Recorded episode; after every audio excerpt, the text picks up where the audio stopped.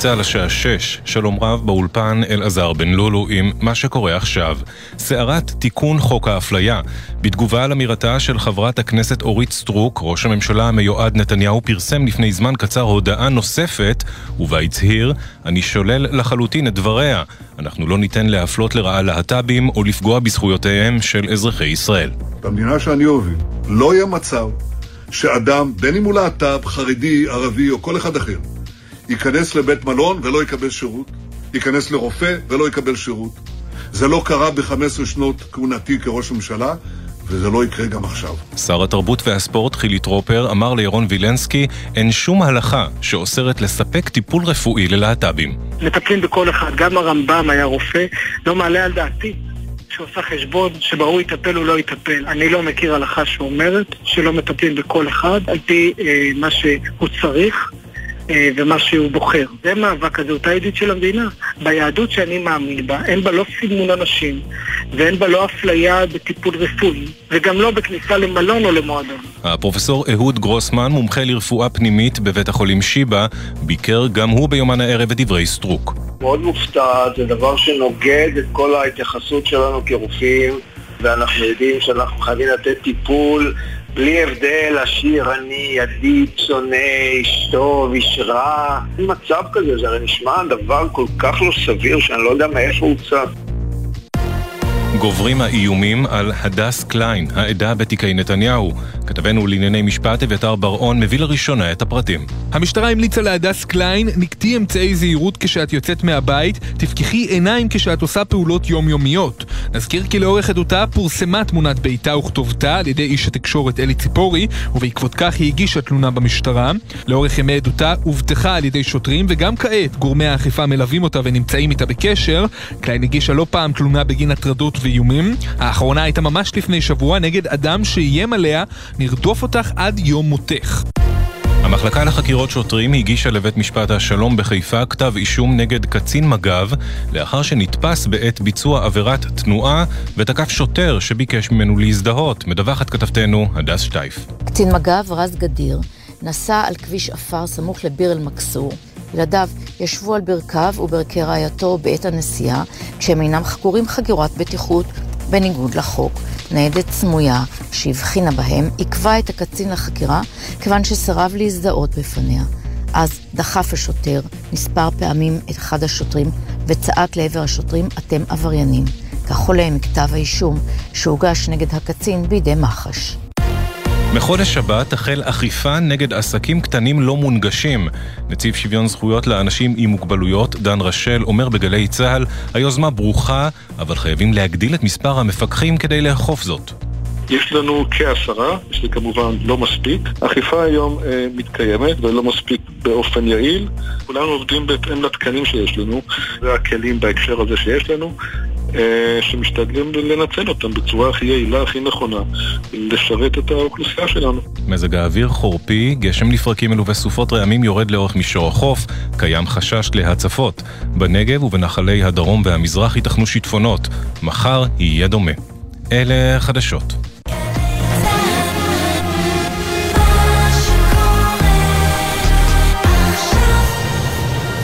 בחסות מלונות דן, המציגים סוף שבוע של הופעות. עידן עמדי, יסמין מועלם וטונה, במלונות דן פנורמה אילת ונפטון, 16 עד 18 בפברואר. בחסות מטבחי סמל, המזמינים אתכם לימי מכירות בהנחות על מטבחים ומוצרים משלימים. עד סוף דצמבר, מטבחי סמל, כשטכנולוגיה פוגשת אומנות. בחסות אוטודיפו, המציעה מצברים לרכב עד השעה תשע בערב בסניפי הרשת, כולל התקנה חינם. כי אין סיבה לשרוף את שישי במוסך. אוטודיפו. עכשיו בגלי צה"ל, עמית תומר ושי ניב עם החיים עצמם.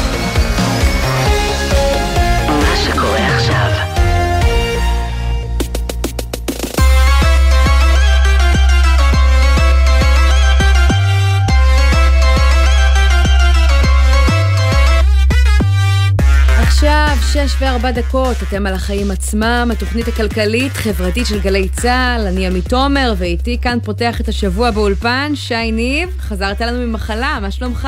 כן, מצוין, בסדר, הנה אני פה, בסדר גמור, נר שמיני של חנוכה, וגם ערב כריסמס אה, היום, אז ככה חג שמח אה, למי שחוגג. מרי כריסמס. מרי כריסמס, ואחרי כל הברכות, אה, הנה עוד שפל חדש, שככה אי אפשר לא לעסוק בו. תיקון לחוק אה, איסור אפליה בשירותים, שנכנס להסכמים הקואליציוניים שככה החלו להתפרסם, או במילים פחות עדינות, תיקון הצעת החוק שעשוי לאפשר לבעל עסק לא להעניק שירותים לחלק מהלקוחות, כמו אנשי קהילת הלהט"ב, אולי, אולי גם סתם לערבים, על בסיס החלטה, אה, אמונה דתית, ככה אה, זה נכתב. זה כמובן הוביל להתנגדויות ולסערה ציבורית מוצדקת בעיניי. נתניהו, ראש הממשלה המיועד, כבר מיהר להבהיר ולהתנער, ובקיצור, שמח. אז בעניין הזה יהיו איתנו היום שניים מהמתנגדים בענפים שכבר עמדו היום בעין הסערה הציבורית, הפרופסור ציון חגי, יושב ראש ההסתדרות הרפואית, ואבי ניסנקורן, נשיא התאחדות המלונות בישראל. בנוסף לזה נגיע גם לעוד סעיף מההסכם הקואליציוני עם יהדות התורה. אתה יודע, דיברו כל כך הרבה על סעיף אחד, אבל יש בהסכם הזה כמעט 130 אה, סעיפים, ולרבים מהם יש אה, השפעה על החיים של כל אחד אה, מאיתנו. אחד מהם דורש לבטל את הרפורמה בחקלאות. אני לא יודעת כמה חקלאים מצביעים ג', אבל יש לי תחושה שזה קשור לא פחות ליוזמי המהלך, שר האוצר ליברמן ושר החקלאות פורר, שעוד מעט יהיה איתנו כאן. כן, הרבה דם רע היה שם, אולי עוד יהיה. עוד נושאים היום בתוכנית, אה, נהיה עם היזם דוב מורן, ממציא הדיסק און קי, למי שזוכר. אה, הוא יהיה איתנו על המשבר בהייטק, עם נתונים חדשים ולא מעודדים שמתפרסמים היום. ונמשיך לעקוב אחרי מעללי הנוכל מייק בן ארי, שהוסגר בסוף השבוע מבוסניה לישראל. ממש בדקה ה-90. ולקראת סיום, נגיע גם לפייסבוק מטא, שתשלם בעקבות תביעה ייצוגית את המחיר הגבוה בתולדות ארצות הברית בגין פגיעה בפרטיות, 725 מיליון דולר. כן, פייסבוק מטא זה תמיד מצחיק אותי. אה, כרגיל. אולי הפעם, אחרי שהם יוציאו את הסכום הזה. אנחנו לא רוצים להרוג אף אחד. חלילה. כרגיל השעה עמוסה, אה, אז אה, עמית, מה הכותרת שלך? אז הכותרת שלי היא העוד בנק חדש שבדרך לקום בישראל. אתה יודע, ארבעה עשורים זה לא קרה פה, וכעת זה עומד לקרות פעמיים בשלוש שנים, שזה די מדהים. אחרי 1-0 של אמנון שעשוע, שהחל להציע את שירותיו בחודשים האחרונים לקהל הרחב, גם הבנק אש קיבל היום רישיון מבנק ישראל. אש, זה השם? זה השם, E-S-H. ככה, אה, כן. אש לא, עליכם. אש עליכם, לגמרי. מאחוריו עומדים קבוצה של יזמים, ביניהם אה, ניר צוק ושמואל האוזר, לשעבר יושב ראש אה, רשות ניירות ערך, ישמש כיושב ראש הבנק. כל אלו מעריכים שההקמה תיארך כשנה וחצי, ואחרי כן נוכל להתחיל לקבל גם מהם שירותים. ניר צוק זה לא השף, זה, זה עם הכסף. כן, זה כן. השני, זה נכון, צוק. מההייטק. אז אנחנו כמובן, תשמע, מברכים על כל תחרות בכל ענף, כמובן בענף ריכוזי כמו הבנקים, אנחנו רואים עכשיו את ההשפעות של מספר השחקנים עדיין מצומצם בו כשהריבית עולה, ההלוואות והמשכנתאות נהיות יקרות יותר, אבל הפקדונות לחוסכים זה כבר סיפור אחר. ועם זאת, אני לא ממהרת לפתוח שמפניות, כי שנת 2022, לפי נתוני בנק ישראל, למרות ההשקה של 1-0 ולמרות רפורמת הבנקאות בקליק, שהייתה אמורה להפוך את תהליך מעבר הבנק למסורבל פחות וככה אולי נפוץ יותר, הנתונים דומים לשנים הקודמות. אז נכון, מהפכות לוקחות זמן, ועדיין ייתכן שזה קשור לעובדה שלא ראינו עד עכשיו בענף הזה, למרות התגברות התחרות, מהלכים שוברי שוק, מבצעים שאי אפשר להישאר אדישים אליהם, כמו שראינו למשל במהפכת הסלולר, לא מצד השחקנית החדשה 1-0, וכך בהתאם כמובן לא מהענקיות הקיימות, אז אולי אש יהיו אלו שיעשו את זה, אבל חובת ההוכחה אה, עליהם, גזירת סרטים זה נחמד, צריך לראות איך הם באמת ככה הולכים אה, להוזיל לנו אה, את התשלומים לגמרי. לבנק, ובשלב הזה הם לא מתראיינים ומספקים מידע, זה עוד מוקדם, אז ככה צריך באמת אה, לחכות ולראות. כן.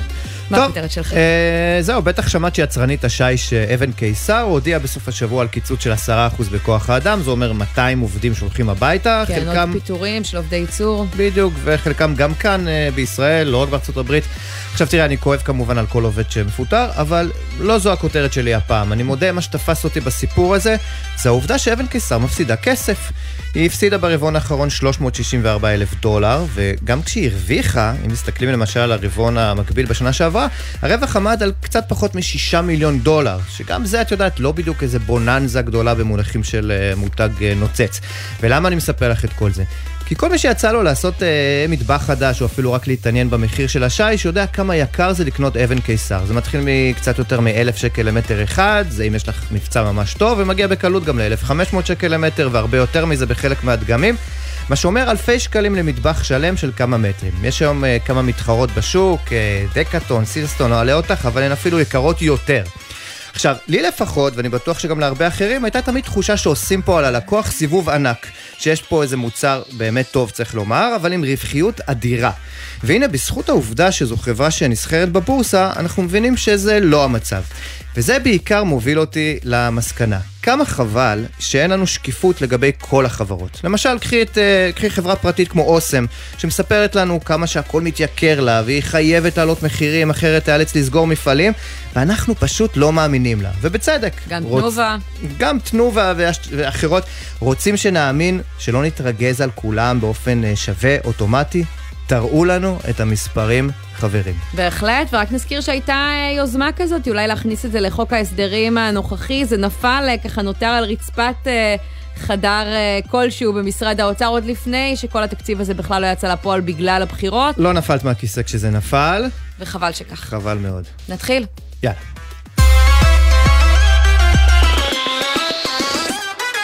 אז אנחנו פותחים עם סערת חוק האפליה, אחרי שחבר הכנסת רוטמן אמר שבעל מלון יוכל שלא לארח חברים בקהילת הלהט"ב, ואילו חברת הכנסת סטרוק טענה שרופא יוכל להחליט שלא לתת טיפול רפואי שנוגד את אמונתו. ראש הממשלה נתניהו מבהיר כי הוא מתנער מהדברים, וכל להט"ב, ערבי, חרדי ועוד, יוכלו לקבל את כל השירותים הללו, לא ברור איך זה מתיישב עם הסעיף עליו אותו נתניהו חתם בהסכמים הקואליציוניים, ואולי זו הסיבה שבענפים הרלוונטיים, הרפואה והמלונאות, מתקשים להירגע, ואנחנו מיד נדבר על זה עם שניים, פרופסור ציון חגי, יושב ראש ההסתדרות הרפואית, וקודם כל אבי ניסנקורן, יושב ראש התאחדות המלונות. ערב טוב. שלום, ערב טוב. אז ההעברה של ראש הממשלה המיועד בנימין נתניהו מניחה את אה, דעתך? ההעברה היא טובה, אבל הסעיף מאוד מאוד מטריד. ואתם רואים שיש, ברגע שנותנים יד לגזענות, או לאפליה, או לפגיעה בחירויות הפרט, מיד יש מי שקופץ על זה. וצריך לשרש את הדברים האלה, אנחנו מדינה, זה לא ימין ולא שמאל דרך אגב. זה חירויות הפרט, זה לא ימין ולא שמאל, זה שוויון, זה דמוקרטיה. אבל נשמע לי שמה שאתה אומר בין השורות זה נתניהו אמר, אבל כל עוד הסעיף הזה עדיין קיים, אני לא ממש מאמין לו. לא, הסעיף הזה, אם הוא יחוקק, הוא פותח פתח לאפליה, לגזענות, לפגיעה בחירויות הפרט, אסור שהוא יחוקק. ברגע שהוא יחוקק, אי אפשר יהיה לעשות את השימוש בו. אבל תשמע, אבי, יגיד לך בעל מלון, אני, תראה, אני לא בודק בקבלה נטייה מינית או זהות מינית של uh, אף אחד, אבל היא מגיעה עכשיו, אני לא יודע מה, קבוצה של 20 תיירים מגרמניה נניח, שרוצה אה, לארגן באולם הכנסים הגדול במלון כנס לטרנסג'נדרים מכל העולם. אני, לא מתאים לי לארח uh, כנס כזה בחייאת אבי. מה אתה אומר לו? הלו, שאני אומר שא', אני, לא, אני חושב שבתי המלון לא נמצאים שם. בתי מלון הם גשר לסובלנות, הם מתקיימים מסובלנות, הם מתקיימים משיתוף פעולה, הם מתקיימים מזה שבאים תיירים, אה, תיירות נכנסת לישראל ורוצים אה, שוויון וחירויות פרט. לכן אני לא חושב שזה קיים בענף. אין פה איזושהי תופעה שהחוק אומר להסביר. יש תופעה שמחוקק מלמעלה רוצה לחוקק. אבל אם זה לא קיים בענף, אז מה החשש? כי דה פקטו... לא- אוקיי. אני רוצה להשלים. תתארו לעצמכם ששי היית שואל אותי, תשמע, יש uh, מלון באירופה שלא כל כך רוצה יהודים אצלו במלון, ובטח אם באים קבוצה של 20, אז בטח הוא לא יקלוט אותם. מה כן. היינו אומרים? היינו אומרים זאת מדינה אפלה, חשוכה, גזענית, מה זה צריך להיות? תתאר לעצמך מחר שיבואו ויגידו, לא מתאים לנו ספרדים בבית המלון שלנו, או לא מתאים לנו אשכנזים, אין שום הבדל, בוא נבין. אבל אומר לך, אומר לך שמחה רוטמן, יש את העניין הקטן הזה של uh, חירויות, של חירות. אתה הזכרת קודם חירות, אז יש גם חירות של uh, בעל העסק. חירות פירושה, הוא אומר, שאנשים יכולים לעשות גם דברים שאני לא אוהב. חירות פירושה שיש לה מגבלה. המגבלה זה גזענות, המגבלה זה אפליה. לא סתם יש חוק שאוסר על אפליה. אפשר גם להגיד בתור חירות, אני לא רוצה לקלוט נשים לעבודה. בתור חירות אני לא רוצה לקדם נשים בעבודה. בתור חירות לא מתאים לי ספרדים בעבודה. כן. בתור חירות אני לא רוצה אה, אתיופים בעבודה. חירות היא מוגבלת, היא מוגבלת בזכויות בסיסיות. אגב, נדמה לי שלבעל מלון... כן, לבעל מלון אין... אה, אז הוא לא מבין בדמוקרטיה, הוא לא מבין בחנויות פרט. ואני בא ואומר עוד פעם, זה לא ימין, זה לא שמאל, זה חירויות פרט. לבעל מלון אין אה, חירות אה, לעשות אגב כל מה שהוא רוצה, כמו שטוען אה, רוטמן. נדמה לי שבשבת למשל, הוא צריך לחמם מראש את, ה, את האוכל על פלטות, ואם אני כלקוח רוצה להגיע למלון בשבת, אני לא יכול לעשות את זה בתחבורה ציבורית למשל, או במו... אני צריך לקחת מונית או רכב פרטי, אז מה, יכול להיות ששמחה רוטמן, או כל מי שככה מתעטף באיזה אידיאולוגיה ליברטנית, עושה את זה רק כשנוח? אני אומר... שזה לא עניין פוליטי, זה עניין של דמוקרטיה וזכויות פרט.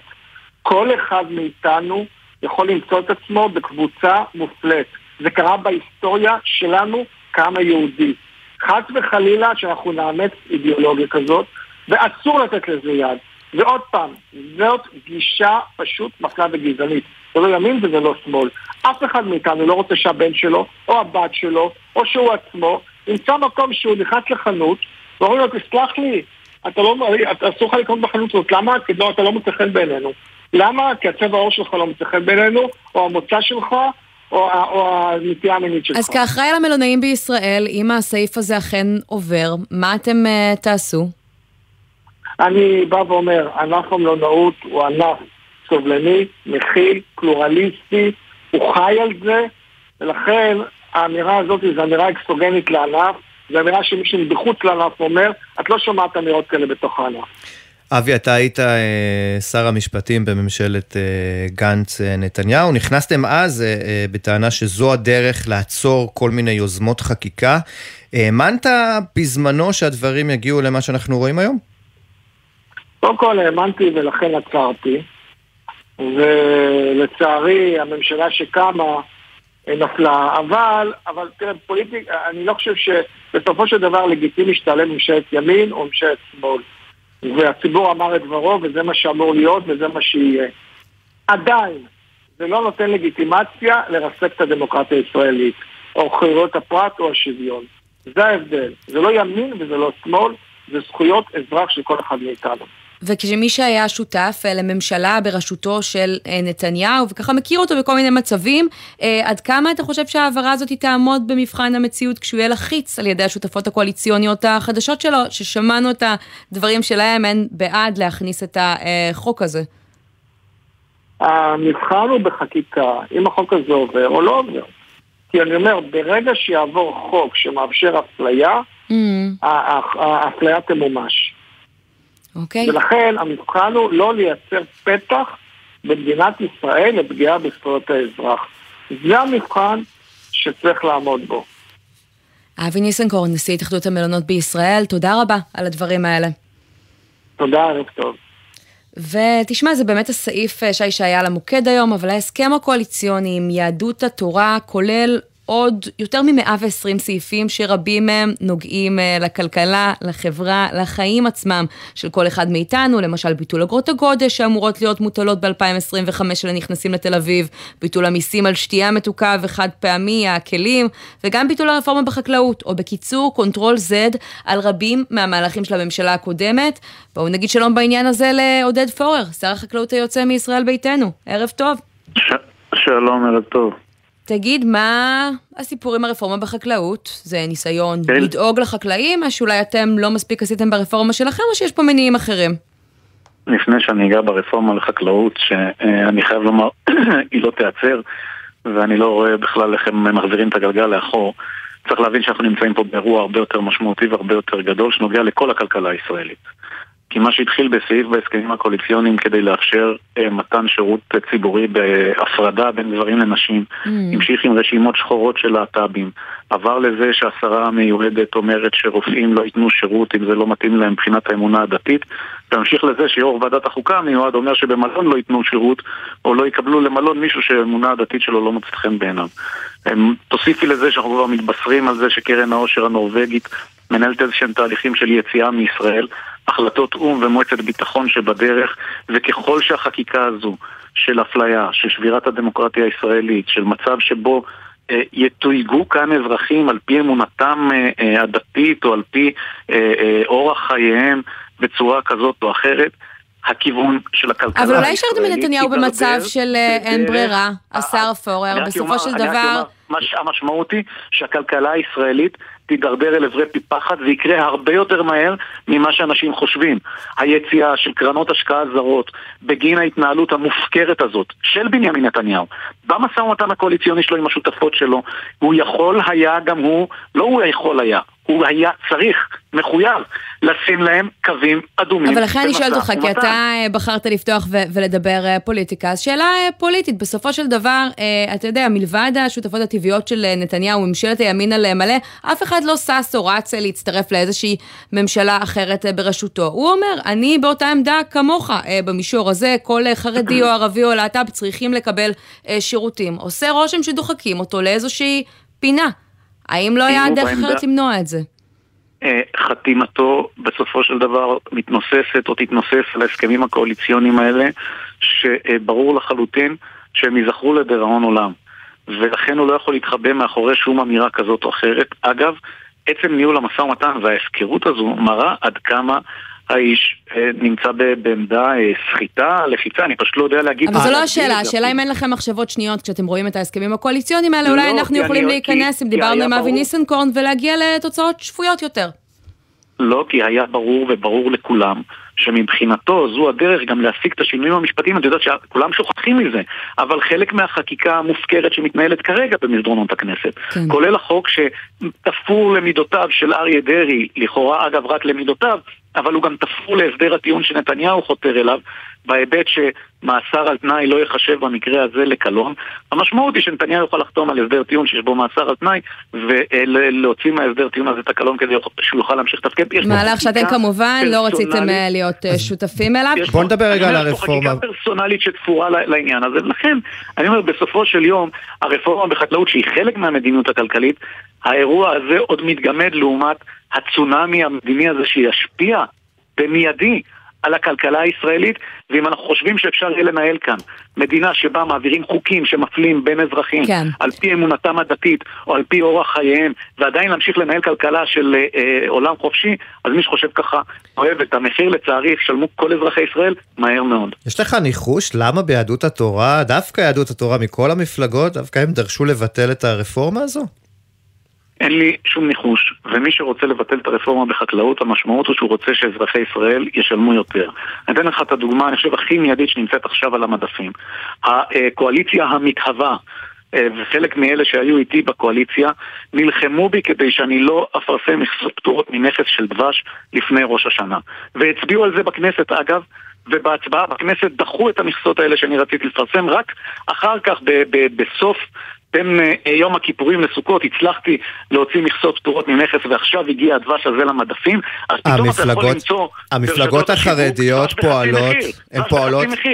המפלגות החרדיות פועלות נגד האינטרס של הציבור שלהן? זה מה שאני רוצה לשאול. חד משמעית, הן פועלות נגד האינטרס של הציבור שלהן גם באמירות שלהן לגבי הרפורמה בחקלאות, הן פועלות גם נגד האינטרס של הציבור שלהן כשהן רוצות שהוא לא ילמד מתמטיקה, אנגלית ומחשבים ודנות אותו לעוני על מנת שהוא לא יוכל להתפרנס ולעבוד באופן עצמאי, אלא ימשיך להיות תלוי בכרטיסי המזון שיחלקו להם, בקצבאות שייתנו להם, ובכלכלה שבסוף נסמכת על כלכלה סקטוריאלית שדואגת לסקטורים מסוימים. אבל אתה מרגיש שזה מהלך פרסונלי יום... נגדכם, נגדך ונגד יושב ראש המפלגה שלך, אביגדור ליברמן? לא, אני מרגיש שזה אחד משורה של מהלכים שכל כולם אינטרס... אינטרסנטים לשרת קבוצת לובי קטנה כזאת או אחרת.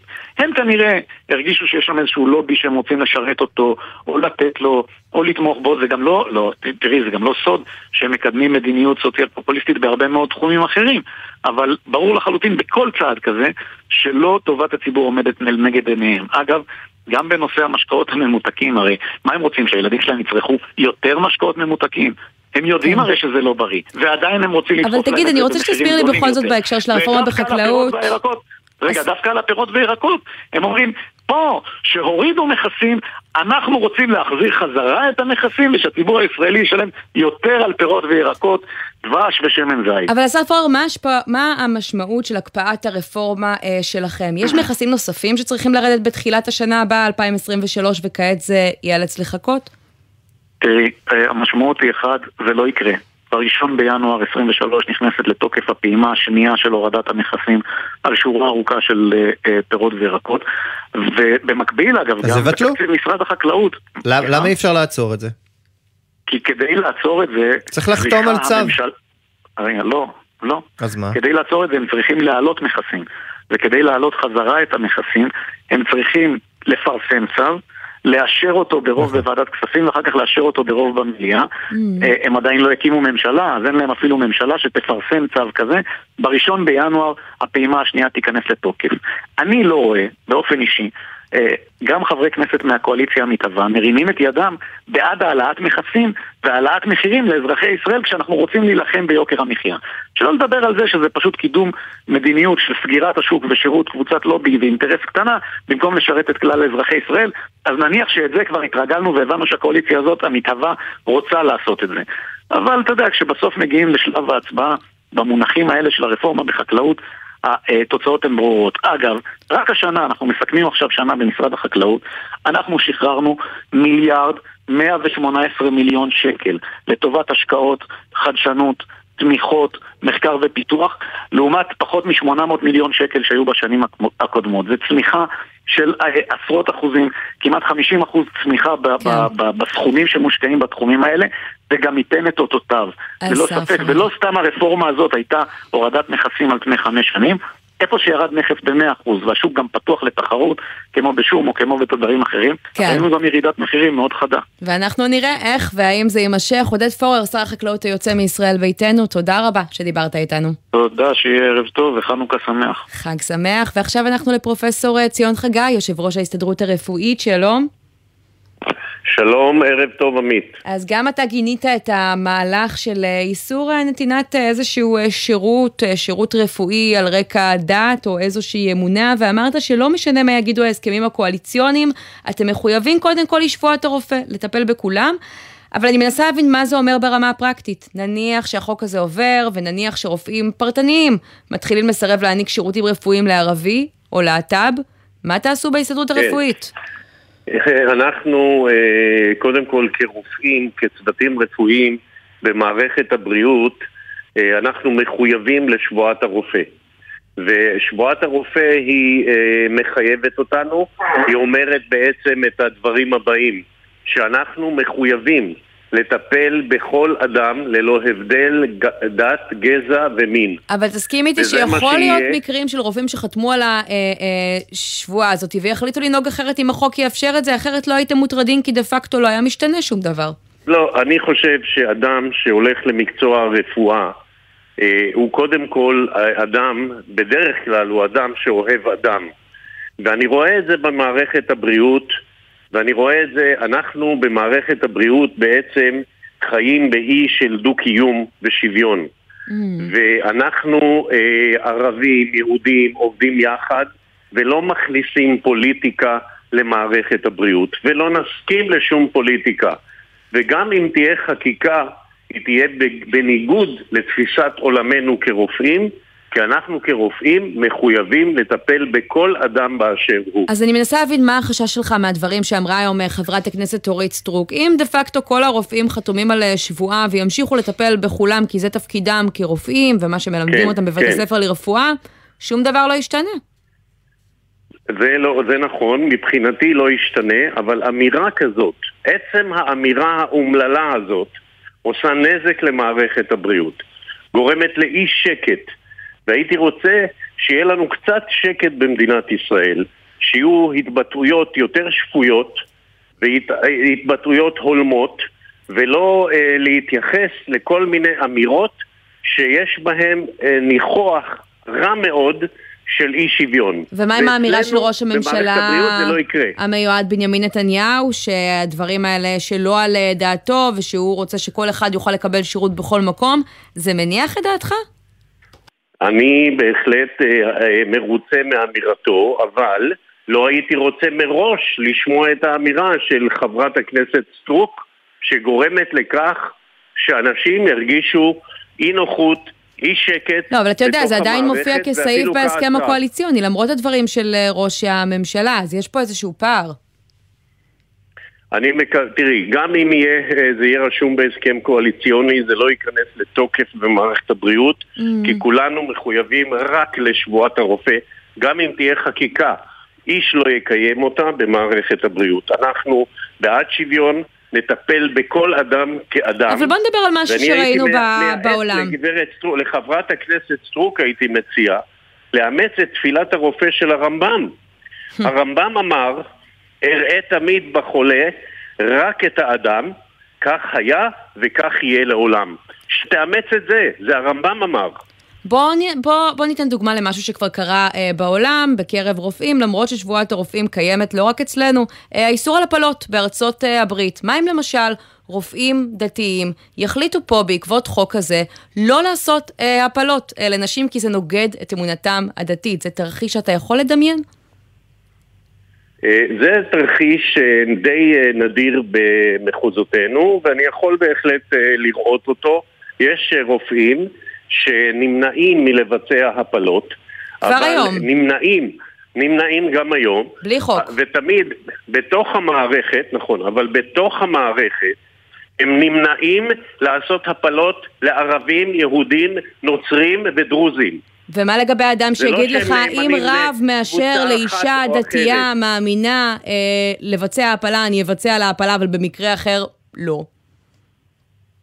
לא, זה, תביני, כאשר אנחנו מדברים על מישהו שאומר, אני בגלל אמונתי לא רוצה לעשות הפלה ולא יכול לעשות הפלה, כאשר יש לנו מישהו שרופא, כמנהל מחלקה, מחלקת נשים בבית חולים קפלן, ניהלתי אותה המון שנים, היו לנו מקרים כאלה של רופא חרדי או רופאה חרדית שלא רצתה לעשות הפלות, אנחנו תמיד דאגנו שיהיה רופא אחר שיעשה את זה.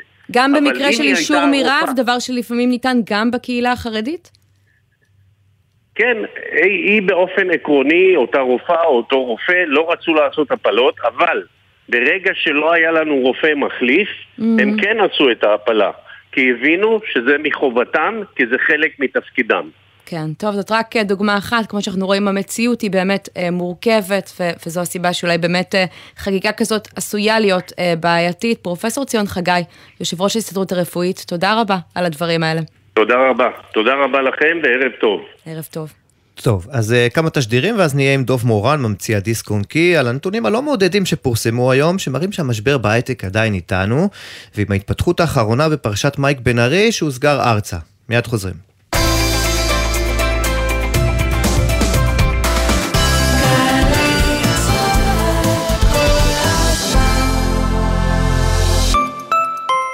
שלום, כאן איתי הרמן. כמוני יודע שידע הוא כוח, אבל ידע הוא גם כוח, בקוף ובחטא. קורות חיים. כי להציג בקורות החיים ידע בתכנות למשל, במדעי הנתונים או באבטחת מידע, יכול להשיג למענכם את משרת החלומות שלכם בהייטק. אז היכנסו לאתר קמפוס IL ותלמדו חינם, מגוון קורסים מקצועיים שיוכלו להעניק לכם יתרון בכל ראיון. חפשו קמפוס IL, קמפוס IL, בהובלת מערך הדיגיטל הלאומי והמועצה להשכלה גבוהה. מעסיקים, יש לכם הזדמנות לסגור חוב בביטוח הלאומי ולהרוויח ביטול מלא של קנסות. כדי לשמור על הזכויות שלכם ושל העובדים שלכם, הביטוח הלאומי יוצא במבצע לתשלום חובות. הסדירו תשלום עד 30 בדצמבר ותרוויחו 100% ביטול קנסות ופריסת תשלומים נוחה. לפרטים, היכנסו לאתר הביטוח הלאומי. ביטוח לאומי לצדך, ברגעים החשובים של החיים. ושוב אנחנו בסיפורי לילה, והפעם עם אורי, נהג משאית שקיבל 300 שקלים מענק.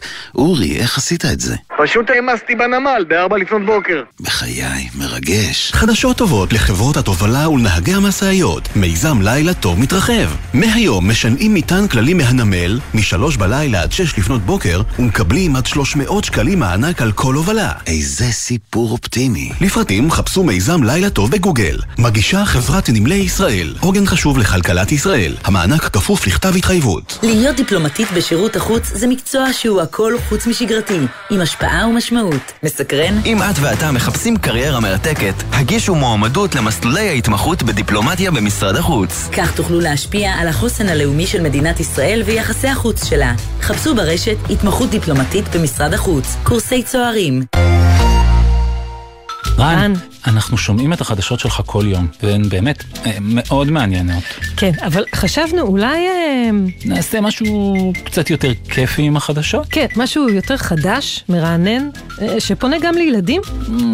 למשל, מה, מה, מה, מה, מה, מה, מה, מה, מה, מה, מה, מה, מה, מה, מה שקורה עכשיו. ירדן ודידי, רעיון מעולה, אה, נשקול אותו. אבל אתם יודעים מה זה מזכיר לי? את עוד גל"צ, זירת התוכן החדשה ביישומון גל"צ. אפשר למצוא בה גם תוכניות חדשותיות וגם את התוכניות המעולות שלכם, ועוד המון תוכן משובח גם לגדולים וגם לקטנים. עכשיו בגלי צה"ל, עמית תומר וסמי פרץ עם החיים עצמם. חזרנו, עמית תומר ושי ניב כאן באולפן, ועכשיו אנחנו למשבר בהייטק, אחרי אה, שבשבוע שעבר התבשרנו על צמצום משמעותי במספר המשרות הפנויות אה, בענף. עכשיו מגיע הצד השני של המשוואה, לשכת התעסוקה מפרסמת נתונים שמעידים על זינוק במספר מפתחי התוכנה המובטלים, 12% יותר בחודש נובמבר, וגם מספר המהנדסים המובטלים אה, עולה. איתנו תכף יהיה בעניין הזה דוב מורן, יזם ומנהל שותף קרן הון סיכון. ארגון גרוב ונצ'רס, הוא ממציא הדיסק און קי, לא נשכח לו את זה. ערב טוב. ערב טוב, ערב טוב. אז הנתונים האלה, עד כמה הם צריכים להדאיג אותנו לדעתך? תראי, קודם כל זה מתבקש, אה, כמו שאמרת, יש פה משוואה, יש לה שני צדדים. אתה מעלה אחד, שהצד השני עולה גם, ולכן אי אפשר לצפות שיהיה פחות ביקוש, ומצד שני... ההיצע אה, אה, לא יושפע מזה. אתה מופתע מהנתונים? אה, הערכת שזה יגיע לזה, לאיזה מין כן. מיני משבר כזה בענף? זה משבר, זה, זה משבר. אתה אומר זה משבר, זה אפילו לא מיני. זה כן. משבר מסוים. תראה, התעשייה של הסמיקונדקטור, של ההייטק, כלל ההייטק, לא רק בישראל, בעולם, תמיד עובדת בסייקלים. יש גאות ויש שפל.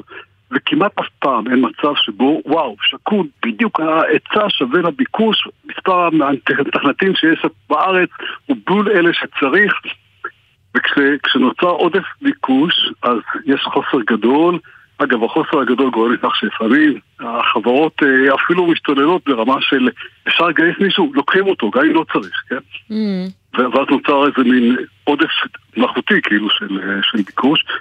אה, וכשמאידך אה, הכסף מפסיק לזרום והערכים יורדים למה שהם היו צריכים להיות והמשקיעים רוצים לראות ביצועים, רוצים לראות הצלחות, רוצים לראות משהו שהוא בשורה התחתונה של החברה ולא רק ברמת ה... כמה גייסתם אה, אז כן, זה יוצר מצב שבו אנשים נפלטים, התעשייה קצת מתכווצת עד, עד. הדבר הזה ישנה כיוון, וזה קורה, לפעמים זה יכול לקרות, זה אולי יקרה בעוד שלושה חודשים, שישה חודשים. הספקנים אומרים שש שנים, אבל אתה יודע, זה לא קרה בהיסטוריה שהשפל היה כזה ארוך. כן, ועדיין, אה, אתה יודע, אנחנו אה, שומעים אה, מצד אחד את הנתונים האלו, מצד שני, שוחחנו פה בשבוע שעבר עם סמנכ"ל בלשכת התעסוקה, שאמר, המתכנתים והמהנדסים לא עוברים אצלנו, הם מוצאים עבודה עדיין בתוך חודשים בודדים. כמי שמכיר את הענף, איך זה יכול להיות? זה באמת המצב? המצב הוא כזה שהחברות הטובות באמת ממשיכות לגדול, ממשיכות לגייס. זה לא שכולם עכשיו מפטרים, כולם סובלים, חברות נסגרות, זה לא... למרות שעדיין, אני חייבת להגיד לך ששומעים יותר קולות מהשטח, על אה, באמת כבר אה, חשש של אנשים על מה יקרה אם הם יאבדו את מקום העבודה שלהם, שהם מאבדים ולא מצליחים למצוא באותה אה, קלות כמו קודם, אפילו בקושי רב. כלומר, יש תחושה שבכל זאת כבר נחצה פה איזשהו קו ולא רק, אתה יודע, איזשהו שינוי ארגוני. אה, יש, אה, יש תהליך שבו חברות, יש חברות שנסגרות, יש חברות רבות שקטנות, אבל זה לא עובר כל התעשייה. אה, התעשייה, יש בה גם חברות שגדלות ומתפתחות, כן? בסופו של דבר, עולם ההייטק, עולם, ה... עולם הקדמה, זה עולם שמתפתח. והוא ימשיך ויצמח ויפרח, ויש המון המון דברים לעשות. הוא חוקי מלהגיד, וואו, גמרנו להמציא הכל, גמרנו לפתח הכל, גמרנו, כל העולם הזה כבר הוא פרפקט. אנחנו בהתחלה של איזה מין התחלה, תמיד זה התחלה של איזה עוד מהפכות ועוד דברים ועוד התקדמות בתחומים מטורפים של, של, של עולם, עולם דיגיט, רפואה דיגיטלית וחלל וחומרים ופודטק וסביבה והדברים האלה, כמובן שיקומו חברות, יהיו צריכים, יגייסו אנשים, אני מאמין שגם מי שמובטל היום, שיקח הרבה אוויר, שיצמצם הוצאות, שיעבוד בלחפש עבודה, שיחפש עבודה זה תהליך, כן? בסוף הוא ימצא, ויהיה בסדר. בשנים האחרונות אה, ראינו אולי אה, ככה אה, כסף קל מדי שזורם לענף, חברות שאולי לא ממש הגיע אליהן שיקבלו את הסכומים הגדולים? אין ספק, תראה, בתעשייה שלנו מה שראינו זה אופוריה שהייתה, שנבעה מה, מה, מה-COVID-19 במוד הזה שה-COVID-19 חיזק מאוד את, ה, את התחושה שוואו, טכנולוגיה היא חשובה, אי אפשר בלי, אי אפשר רפואה ללא טכנולוגיה, אי אפשר לוגיסטיקה בלי טכנולוגיה וצריך לרוץ ולהשקיע ואז אנשים, הרבה אנשים הזרימו כסף לקרנות יש קרנות טובות, יש קרנות רעות, יש קרנות שטחיות, יש קרנות מעמיקות. הקרנות הפחות טובות והשטחיות רצו לפזר את הכסף, כי שמע, יש דמי ניהול, אז בוא נעשה קרנות עצומות ונגבה את הדמי ניהול ונהיה נורא עשירים. אז גייסו המון כסף ופיזרו אותו כמו שרואים צרור כזה, כן. כן. לא, לא ועכשיו הגיע החורף תרתי נשמע, נקרא לזה, ואתה יודע, אני שומע כל מיני חברות סטארט-אפ כן. שאומרות, אנחנו שינינו עכשיו את הכיוון, והאסטרטגיה שלנו עכשיו היא לעבור לרווח. ואני שואל אותך, זה לא תמיד צריכה להיות האסטרטגיה? להיות רווחיים? בטח. אני חושב שכשאני בוחן חברה, אני כל חברה, אתה יודע, יש לי שאלה שאני שואל, אני אגלה לך סוד מקצועי, כן? אין חברה, אני רואה... זה רק אנחנו פה. הזדמנויות השקעה בשנה, רק אנחנו. כן. אבל תשמע, אין לי בעיה לפזר את הסוד הזה ואתה תגלה כמה אחרי שכולם ידעו על זה עדיין המשיכו להתבלבל בתשובה. נו. אני רואה כ-1,500 חברות בשנה. זה המספר שאנחנו רואים פה בגוב. אני שואל תמיד שאלה, תגיד, מי זה הלקוח הראשון ומה אתה מוכר לו? אבל מוכר לו בכסף, כן? אוקיי. זה מדהים כמה השאלה הנורא פשוטה הזאתי לפעמים אתה רואה את היזם כזה, כאילו, אופס, הוא זז כזה אחורה והוא קצת בשוק, כאילו, וואו. מה אתה שואל אותי שאלה כזאת? מה אתה רוצה ממני בכלל? למכור? למכור זה עוד כמה שנים, תן לי צמוח קודם. כן, כן, אני יודע לספר לך איך אני מגייס, אני יודע לספר לך כמה זה מיוחד, אני יודע לספר לך איך... אה, אה, למה אנשים מתלהבים, אבל מי בסוף משלם? והאם התשלום הזה, עכשיו, הוא אומר לך מי ישלם? האם, אתה, האם זה לא עלה לך יותר כסף לגרום לשלם מאשר מה שקיבלת? נשמע לי שמה שאתה אומר פה בין השורות, שהרבה מהמיזמים הם אה, סוג של אה, בועות כאלה. אין ספק, חלק גדול מההשקעות שהיו, שקרו בשנת 2021, 2021, אפילו 22, תחילת 22, זה לא, לא בועות, אבל זה, זה השקעות שלבטח לא היו שוות את הערכים הגבוהים שבהם השקיעו בהם. כן? כן. אני שמח שאנחנו היינו נורא מהירים, אנחנו עושים דיליג'נס ארוך. אה. אנחנו מסתכלים על חברות לאורך זמן. אתה שינית משהו עושים... בתקופה האחרונה מבחינת האסטרטגיה שלכם כקרן הון סיכון? אנחנו כקרן הון סיכון, אני חושב שאנחנו מסתכלים קודם כל ב deep-tech. deep-tech זה גם אומר השקעות עמוקות, יש שם טכנולוגיה, יש שם אה, צריך אורך רוח, אנחנו לא מחפשים את ההשקעות הקצרות מועד, ו- ואני חושב שזה הדברים שבאמת משנים את העולם, מביאים תועלת, אה, הקשים, זה, זה קשה, זה לא קל, כן. אבל כשזה קורה זה הצלחה אמיתית ולא הצלחת אה, הייפ של marketing מעולה. אני חייב לשאול אותך, נדמה לי שלא ראינו את שמך על, אה, על גבי מכתב ההייטקיסטים, מה שקיבל את השם מכתב ההייטקיסטים, שהתריע על חקיקה. אם אני לא חתום שם, זה רק איזה טעות. אתה אומר, כן חתמת. בטח. נזכיר רק... אני בחרדות. אז זהו, נזכיר רק מכתב שככה התריע אה, אה, מפני חקיקה שתחליש את מערכת המשפט ופגיעה בדמוקרטיה. אתה אומר חרדות, ספר לנו קצת למה הכוונה. ישראל זה מדינה מתקדמת, מודרנית, הרבה מדינות מסתכלים על ישראל כאיזה מודל. המשקיעים שלנו בקרן זה... יש לנו משקיעים מדנמרק, יש לנו מאבו דאבי, יש בארצות הברית, יש במדינות שונות בעולם. ואני חושב שאם ישראל תהפוך למדינה שבה יש חוקי, הדמוקרטיה מעורערת, דמוקרטיה מעורערת זה בסופו של בית המשפט לא, אין לו כוח, כן? ומדינה פונדמנטליסטית, פונדמנטליסטית על כל המשתמע מזה, באיזשהו מקום זה ידחה משקיעים. אם זה דוחה משקיעים, זה לא אצלנו, זה כל, כל הקרנות, יש פחות כסף להשקעות, ויש פחות כסף להתגייס, ויש פחות uh, כסף uh, לכל התהליכים הנפלאים שהביאו את המדינה למה שהיא, שהיא הגיעה. ומעבר לכך, זה ייצור סיטואציה שבה יזמים שיכולים להחליט איפה הם מקימים את הסטארט-אפ שלהם, ייקחו אולי החלטה שזה לא המקום המתאים.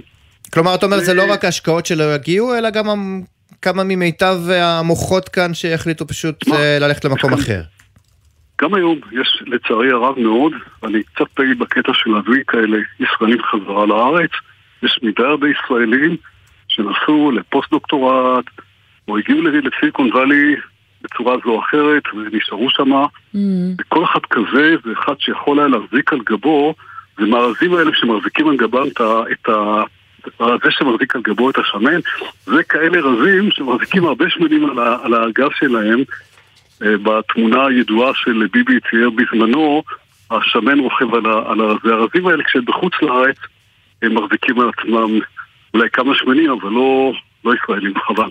דוב מורן, יזם ומנהל שותף קרן הון סיכון, Grove Ventures, ממציא הדיסק און קי, וגם חתום על מכתב הייטקיסטים גילינו. תודה רבה שדיברת איתנו. תודה לכם, ביי ביי. עכשיו אנחנו למייק בן ארי, אה, איש ההשקעות אה, שלכאורה על פי החשד אה, הונה משקיעים רבים, כאלף משקיעים שהשקיעו אצלו סכומים שמוערכים במאות מיליוני שקלים. בשבוע שעבר דיברנו על העובדה שהוא עלול להשתחרר בגלל בירוקרטיה ממעצרו מבוסניה. בסוף אתמול אנחנו מתבשרים שהוא מוסגר לישראל ברגע האחרון, ואנחנו רוצים לדבר על כך עם עורך הדין אבי ארוניס, היועץ המשפטי של מחלקת החקירות, מודיעין ובקרה. בקרת מסחר ברשות לניירות ערך. ערב טוב. ערב טוב. איך זה התאפשר בסופו של אה, דבר? שמענו שהבוסנים אה, טוענים שבישראל אה, התמהמהו עם בקשה, העברת המסמכים הנדרשים, וככה לא ברור אם שר המשפטים יחתום בזמן שם. טוב, ובאמת בשורה התחתונה ההליך הבשיל, וכמו שציינת אתמול מייק בן ארי הוסגר לישראל. אחרי מאמצים רבים שהושקעו גם מצד אה, פרקליטות המדינה וגם מצד רשות ניירות ערך, ואנחנו שמחים על כך. ספר לנו קצת על מאחורי, על מאחורי הקלעים של הסיפור הזה, איך, איך, איך הדברים תופסים אותך אה, אה, באופן אישי, הסיפור הזה, איך הוא מתפתח, איך אתם שומעים עליו לראשונה. לא, צריך לזכור, זה בעצם אה, ברמה העקרונית תופעה שהיא תופעה שאנחנו רואים יותר ויותר אה, בשנים האחרונות. אה, מה שנקרא הונאת פירמידה, הונאת פונזי. אה, מגלים אה, איזשהו אדם שהוא בדרך כלל מאוד כריזמטי, שפשוט מוכר חלומות למשקיעים, מגייס, כמו שאמרתם, מאות מיליוני שקלים. אתה, אתה מבין כבר בהתחלה שזה סיפור גדול מאוד, או שמדובר באיזושהי נוכלות קטנה עד בינונית? אמ, אחרי שפרצה החקירה, אז uh, כמובן שהממדים uh, מתגלים, אבל אני יכול להגיד לכם שזה לא uh, חריג, והיו תיקים בעבר, כולל תיקים גדולים, שבהם אין מתלוננים, והדברים מתגלים רק אחרי שהחקירה פורצת. ובאמת פה, לפני שנה וחצי, רשות ניירות ערך פתחה בחקירה, ובעצם פיצחה את הפרשה. תגיד, מה אתה אומר, החקירה החלה לפני אה, שנה וחצי, אבל בעצם אה, שמענו כאן, אה, וזה ככה עולה גם מחומרי החקירה, שכבר ב-2018 אולי היו צריכים להידלק נורות אדומות, בעצם נשלחו בקשות למייק בן ארי לגלות כל מיני מסמכים, הוא עונה בתגובה לרשות לניירות ערך, שהוא לא יעשה את זה מתוך סעיף ההסתכנות בהפללה עצמית, והסיפור הזה נגמר שם. עם יד על הלב יכול להיות שפספסתם משהו שהיה יכול למנוע אה, הרבה נעקצים נוספים שככה התווספו בשנים האחרונות? קודם כל אה, חשוב לי להדגיש שהרשות היא זאת שחשפה את הפרשה הזאת, פרשה מאוד אה, מתוחכמת של אדם אה, מניפולטיבי שבמשך שנים מונע את הלקוחות שלו, ככה שמנקודת מבט אחרת בהחלט אפשר לראות בזה סיפור הצלחה. ועוד דבר שחשוב לי אולי לנצל את ההזדמנות נדבר קצת רגע, על... רגע, אבל אולי רק תענה על, על השאלה שלי. איך בעצם ככה לפני uh, מספר שנים, כבר ב-2018, uh, מסתפקים בדברים האלה? לא, אני חושב שגם, אני חושב שהדרך שבה מוצגת, מוצגים הדברים היא לא כל כך נכונה. תחלופת מכתבים בין הרשות ובין גורמים שונים זה דבר שהוא קורה בשגרה. זה לא בהכרח אומר שיש חשדות אה, לעבירות. אה, במשך שנים ארוכות לא היו פה מתלוננים בתיק הזה, אה, וברגע שהיו חשדות, הרשות פעלה כמו שצריך. אז ספר לנו מה אמור לקרות מעכשיו אה, למייק בן ארי, מתי הוא צפוי להגיע לישראל ומה ההליכים שמתוכננים לו אצלנו? אז אה, טוב, זה כבר פורסם, הוא הגיע לישראל אתמול אה, בלילה, אה, היום הובא להארכת מעצר, אה, ובעצם אה, בית המשפט קבע שהוא יישאר במעצר כרגע אה, למשך חמישה ימים. אה, התיק נמצא בטיפול של הפרקליטות, אה, אני מניח ומקווה שבקרוב יוגשו כתבי אישום. מה אתה אומר למאזינים ששומעים אותנו עכשיו, ממה הם צריכים אה, להיזהר? אם הם פוגשים איזה מישהו שאתה יודע, עשוי להיות מתישהו מין מייק בן ארי כזה. אז באמת, אה, בגלל שזו תופעה שחוזרת על עצמה, אנחנו מזהים אה, מספר אה, אינדיקציות שחוזרות על עצמן. קודם כל אמרתי, בדרך כלל אדם אה, מאוד כריזמטי. אה, אחד הדברים שחוזר, שחוזרים על עצמם זה הבטחה של תשואה אה, מאוד מאוד גבוהה אה, ברמת ביטחון, ו... או יותר נכון ברמת סיכון אפסית. אם מישהו מבטיח לכם 12% בשנה ללא סיכון, זה כנראה לא קיים. אה, וזה חשוב מאוד שהציבור ידע. דבר שני זה מעשים של פעולות שיווק מאוד אגרסיביות, זה גם כן משהו שצריך להעיר נורת אזהרה, ובכלל משהו שנראה יותר מדי טוב מכדי להיות אמיתי, הוא בדרך כלל אה, לא אמיתי. אני באמת רוצה לתת את ההזדמנות טוב, זה נכון לכל דבר. ולהפנות את הציבור, אה, אה, באמת אה, הרשות אה, משקיעה המון משאבים בשנים האחרונות ומזהירה מפני השקעות לא מפוקחות. כן. צריך להבין שהרשות נותנת רישיונות למנהלי תיקים ויועצי השקעות מתוך מטרה לוודא שמי שנותן את השירותים האלה הוא אה, עושה את זה בצורה ראויה ומפוקחת וכשבוחרים להשקיע במי שלא קיבל רישיון כזה בעצם בהשקעה לא מפוקחת לוקחים סיכון עצום ולצערנו הסיכון הזה יתממש. עורך- ואם מישהו רוצה פרטים נוספים זה נמצא באתר רשות ניירות ערך. אז נזמין את כולם אה, להיכנס, בטח אם אתם עומדים לבצע איזושהי השקעה. עורך הדין אבי ארונס היה היועץ המשפטי של מחלקת החקירות, מודיעין ובקרת המסחר ברשות לניירות ערך. תודה רבה על הדברים האלה. תודה לכם. וכעת, וכעת אנחנו עוברים אה, לקנס הענק לפייסבוק מטא, שתשלם את המחיר הגבוה אי פעם בגין פגיעה בפרטיות, 725 אה, מיליון אה, דולר. איתנו בעניין הזה הדוקטור לירז מרגלית, שלום. שלום, ערב טוב. ערב טוב, את חוקרת התנהגות בעידן הדיגיטלי, אוניברסיטת רייכמן. לירז, זאת לא הפעם הראשונה שפייסבוק ככה מגיעה לבית המשפט אה, תחת האישומים האלה. מה כל כך חריג פה הפעם שזה מגיע לסכום אדיר כזה?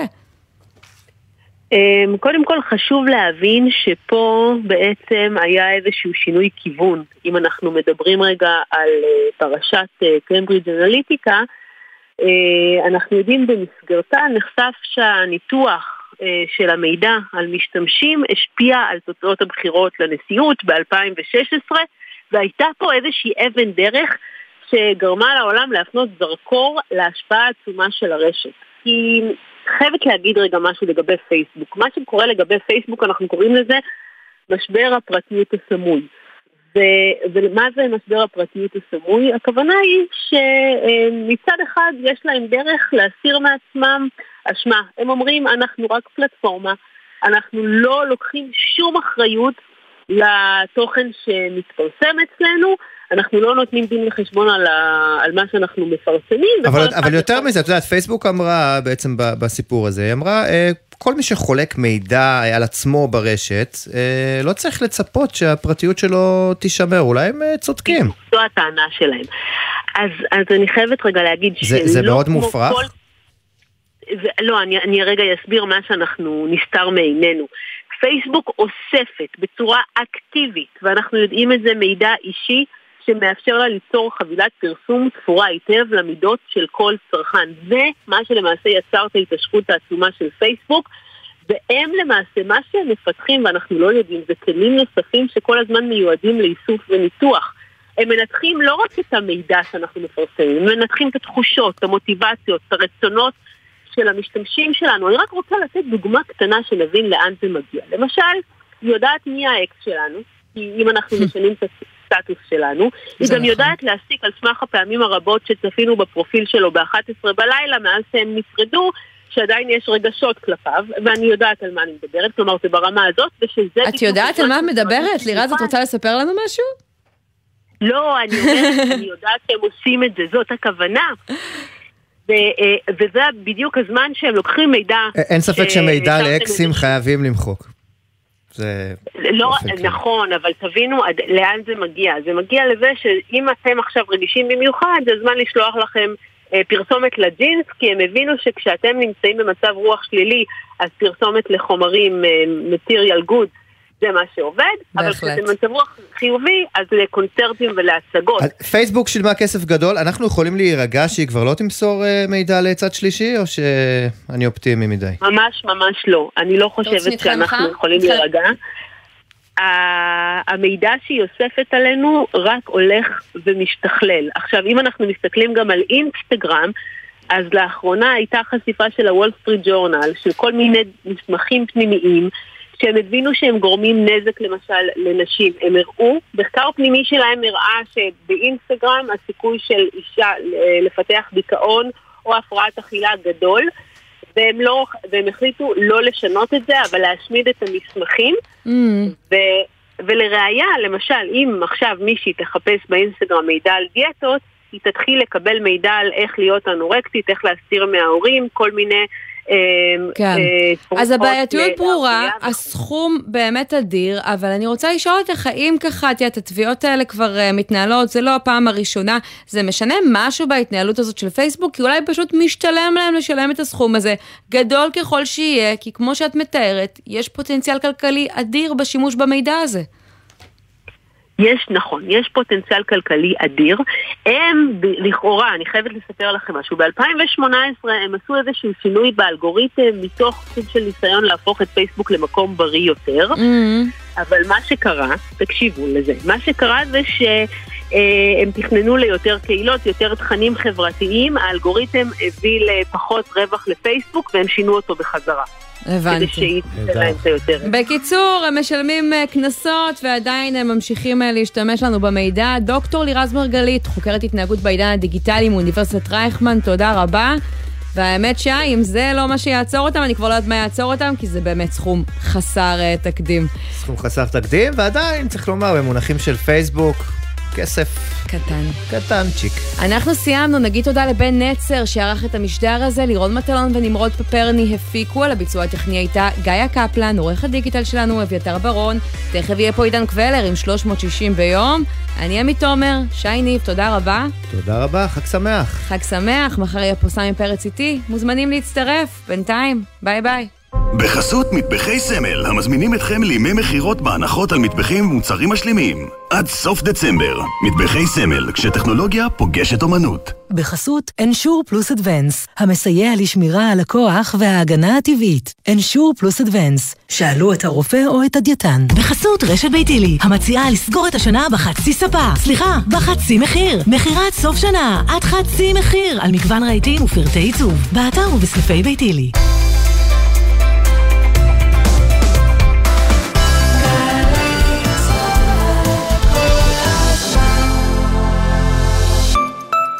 בני משפחות ילדי תימן, המזרח והבלקן, אל תוותרו על זכאותכם להסדר כספי מהמדינה. ממשלת ישראל החליטה לאפשר הסדר כספי למשפחות שעניין ילדיהן נדון באחת משלוש הוועדות הרשמיות, ובאחרונה שבהן נקבע כי הילד נפטר או שגורלו אינו ידוע. לבדיקה ולמיצוי זכויותיכם, הגישו כבר היום בקשה מהירה באתר ענבל, חברת הביטוח הממשלתית. המועד האחרון לקבלת ההסדר הכספי נקבע ל-1 במרס 23. פנו עד היום ובדקו את זכאותכם. מגישים משרד האוצר ומשרד המשפטים. אתם לא תציבו בעסק שלכם שלט "אין כניסה לאנשים עם מוגבלות". זה לא כלכלי, לא מוסרי, וזה גם לא חוקי. אבל זה מה שאתם עושים כשאתם לא מנגישים את העסק שלכם. בעלי עסקים, במהלך שנת 2023, אכיפת הנגישות תכלול גם קנסות. עסקים שאינם נגישים יהיו חשופים לתביעות ולקנסות גבוהים. עדיין יש לכם הזדמנות להנגיש את העסק ואת האתר שלכם, כי החובה שלכם היא הזכות שלנו. מידע נוסף באתר נציבות שוויון זכויות לאנשים עם מוגבלות. אני מטייל בשביל הנופים. בשביל הקפה. בשביל הסלפי המושלם. בשביל השירה העברית. בשביל המורשת. בואו בחנוכה הקרוב לגלות את ישראל מחדש עם כל המשפחה. משרד ירושלים ומורשת וגופי המורשת מזמינים אתכם לעשרות פעילויות, אתרים וסיורים בעקבות השירים שכולנו אוהבים. רוצים לשמוע עוד? חפשו ברשת שבוע המורשת. אנחנו על המפה, ואנחנו שרים על המפה. אחותי, על מה את מסתכלת? שימי לב לכביש. כאן רבת קריסטינה וידצקה, שוטרת צבאית מהיחידה המרכזית לפיקוח תעבורה. אני יודעת שיש לך הרבה להספיק, כי יצאת הביתה רק לכמה ימים. אבל בחייך, כשאת על הכביש, שימי את הטלפון בצד והתרכזי בנהיגה. אין הודעה חשובה מספיק ששווה את החיים שלך. את הווייז אפילו לפני הנסיעה, ואל תתני לשום דבר להסיט את העיניים שלך מהכביש. כי בשנייה אחת אפשר לאבד שליטה על הרכב ולהיפגע. אני סומכת עלייך אחותי. גם אני מחויבת לאנשים שבדרך עם הרלב"ד. מיד אחרי החדשות, עידן קבלר.